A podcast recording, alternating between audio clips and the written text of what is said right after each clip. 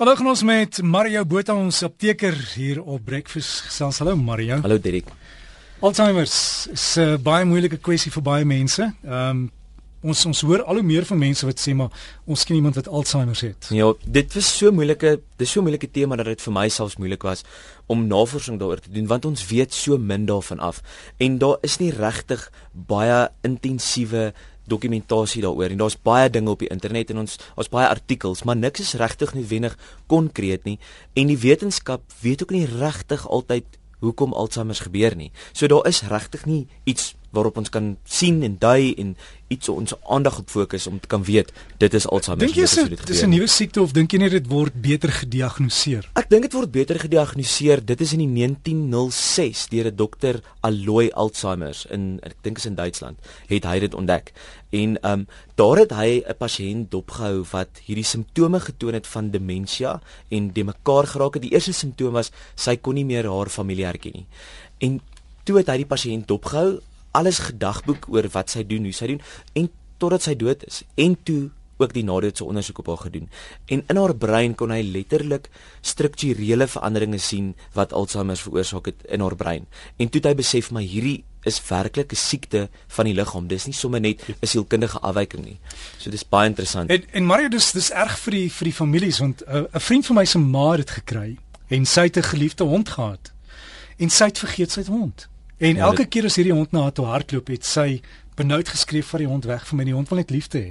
Sjem, ja, dit is dit is tragies. Dis dis baie tragies, maar daar is sekere dinge waarvoor 'n mens kan uitkyk. Is is daar breinoefeninge wat jy kan doen om jou brein fiks te hou? Daar is die internet dui baie op op klein dingetjies soos Sudoku wat in die koerante is elke oggend.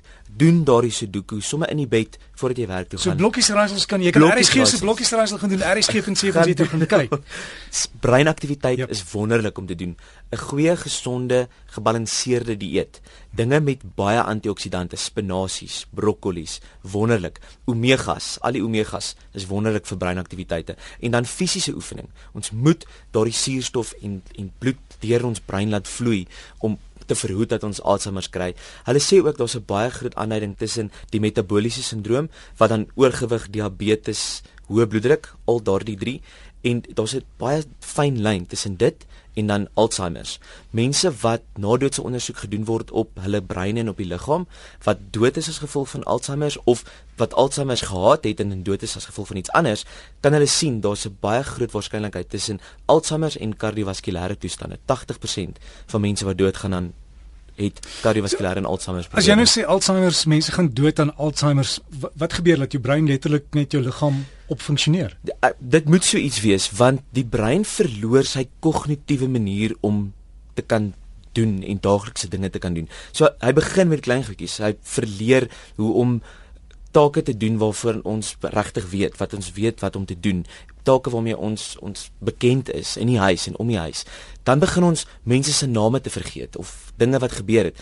En ons kan dink ons almal het dalk 'n klein bietjie Alzheimer want gebeur dit nie met ons almal nie. Waar's my sleutel? Wat ek self presies dit, dit begin met klein goedjies soos Dankie, dit. Dankie Mario. Skus Derek maar dit begin met klein goedjies en dan beweeg dit na groter dinge. Dan beweeg dit na taalafwykings na na dinge wat wat regtig vir ons onbeheerbaar is. Ons kry dinge met abstrakte denkprobleme, sukkel ons meer. Ons soos wat ons sê, ons sit iets neer en ons weet nie waar dit is nie. Daar's veranderinge in ons gedrag. Daar's persoonlikheidsveranderinge. Dan's daar verlies van inisiatief wat wat ons moet neem. Um en dit raak baie moeilik vir ons om dan bekende take te doen en dan geheueverlies is natuurlik die groot ding wat ons kry. So dit dit is regtig moeilik om hierdie ding nommer 1 te diagnoseer want ons moet soveel dinge uitskakel om te kan besef maar hierdie pasiënt het Alzheimer. So ons moet 'n klomp kliniese toetse doen om te kyk is die pasiënt negatief vir al daardie toestande. Is die pasiënt negatief vir al hierdie breintoestande? En dan maak ons dit kleiner en kleiner en kleiner tot ons besef maar die pasiënt moet dan Alzheimer se siekte hê. So dit is nogal sleg. Baie vrae kom oor ek moet na 'n pasiënt kyk wat Alzheimer het, wat doen ek? Ons moet weet ons moet voorkomend dink. Ons moet weet as ons die huis verlaat en die pasiënt die pasiënt of die leier is in die huis, is die huis veilig, is die huis toegerus dat die mens in die huis mag wees. Verander ons omgewing. Ons moet besef dat 'n Alzheimer leier of 'n pasiënt wat wat ly aan hierdie siekte kan nie sy omgewing verander nie want hy weet nie hoe nie. Daardie brein het daardie kapasiteit verloor.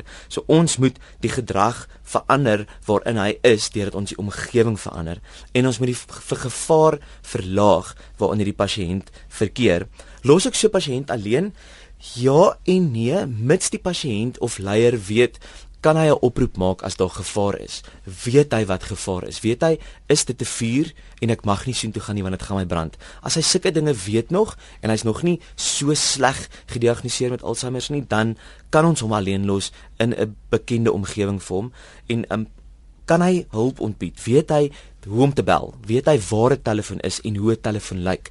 Al sulke klein dingetjies. Ons moet besef wat hierdie pasiënt is en wat hy doen en wat hy kan doen. So, daar is 'n paar webwerwe waarop ons nat kan gaan vir ons Suid-Afrika. Die een is nie die www. nie, moenie dit insit nie. Jy sit net Alzheimer's in action.co.za. So dis Engels Alzheimer's in action.co.za en dan www.alzheimer's www.org.za. Maar as jy sommer net Alzheimer Suid-Afrika intik, kom hierdie webwerwe op en dan is daar hulplyn 011 792 2511 of 8387 of 0860 102 681. Ek gaan dit weer sê.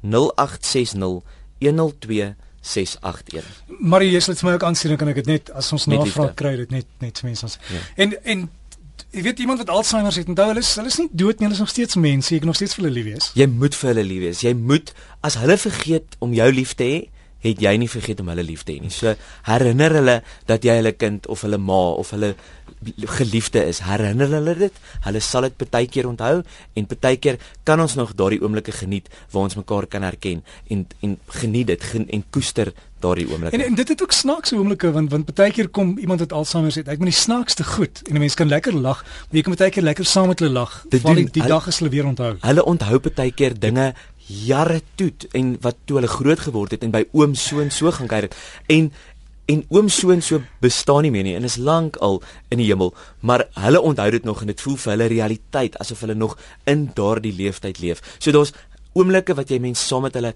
kan geniet en kan waardeer en ons oomblikke waar hulle hierdie wonderlike opvlieging het van wat vandag 'n realiteit is en wie vandag om my is. So ons moet vir hulle lief wees en ons moet hulle koester en ons moet hulle help. So jy kan maar net Google vir Alzheimer Suid-Afrika en die ander een is alzheimers.org.za, né? Ja, die een is alzheimersinAction.co.za en dan www.alzheimers.org.za. En as jy voel dit raak net te veel en jy het iemand in in jou gesin wat Alzheimer het, vra hulp. Die mense gaan vir jou sê dit en dit en dit en hulle kan vir jou help. Ja, verseker. Anders gevra jy opteken, dit was Mario Botha en Mario e-pos is mario.m.botha@gmail.com. Mario.m.botha by gmail. by gmail.com.